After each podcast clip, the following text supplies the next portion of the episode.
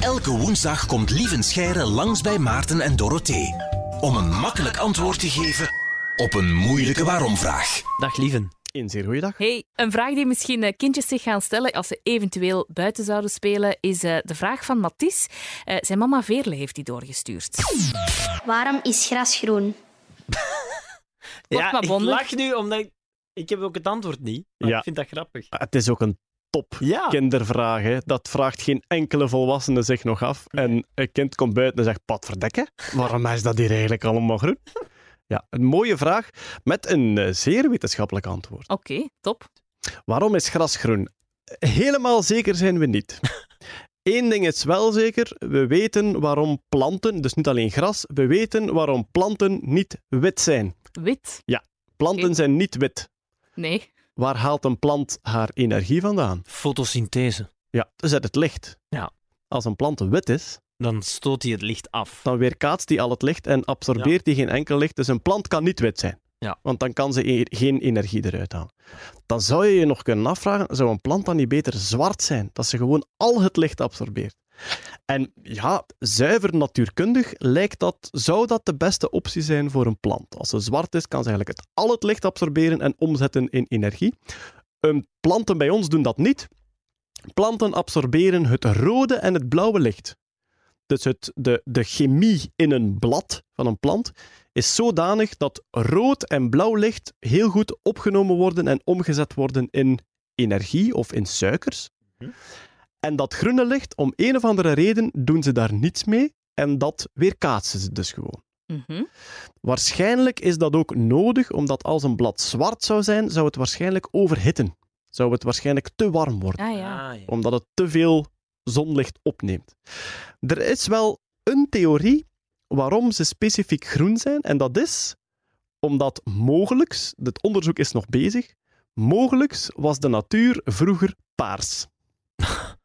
De natuur als in alle planten en zo. Of, Wel, en dan spreek ik over heel vroege natuur, dan spreek ik over eencelligen, de halobacteria. ja. De halobacteriën, toen, de aarde, toen het leven op aarde nog eencellig was, wat trouwens geweldig lang geduurd heeft. Het leven op aarde is een miljard jaar eencellig geweest. Eh, het saaie miljard noemen ze dat, the boring billion. Ja. Ehm, eigenlijk 1 miljard jaar was alle leven op aarde slijm. Een van de eerste eh, levensvormen op aarde waren die halobacteria. En die gebruikten het groene licht van de zon. Want de zon schijnt het krachtigst in het groene licht. Dus je kan het meest energie halen uit groen licht hier op aarde. Die halobacteria die, die haalden dus het groene licht uit de zon, waardoor zij een paarse kleur hadden. Want zij weerkaatsten het blauw en het rood wat ze niet gebruikten. En een van de theorieën is, die halobacteria waren bezig met zoveel van het groene licht eh, op te eten, te gebruiken, dat er niks meer over was voor de anderen. Waardoor de nieuwe levensvormen het groene licht niet konden gebruiken. De halobacteriën hadden dat al opgegeten.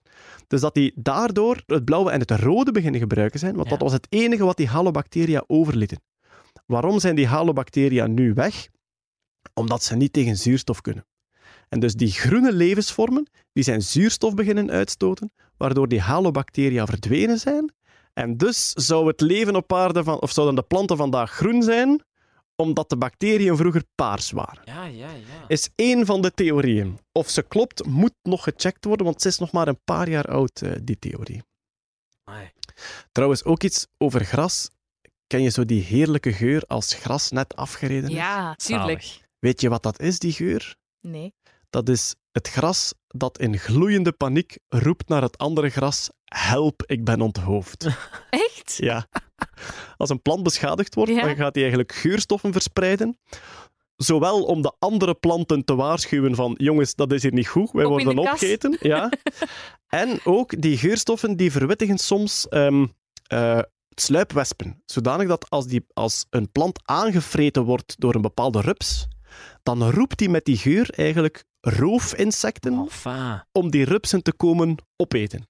Maar dus de volgende keer dat je zo nog eens rondwandelt en je ruikt die heerlijke geur Oh, ja. van vers ge- gemaaien gras, wat je dan eigenlijk ruikt is... Ah! Ja. Ah! Dat is Mijn zo- kop is eraf! Een dat is beetje wat je ruikt. wegsfeer wel dan, hè? Ja, Zo, oké. inderdaad. Ja. Ja. Dankjewel, lieve Scheire. En eh, tot volgende week. Yep.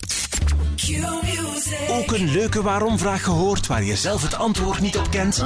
Stuur ze zeker door via de Q-app met de hashtag waarom daarom.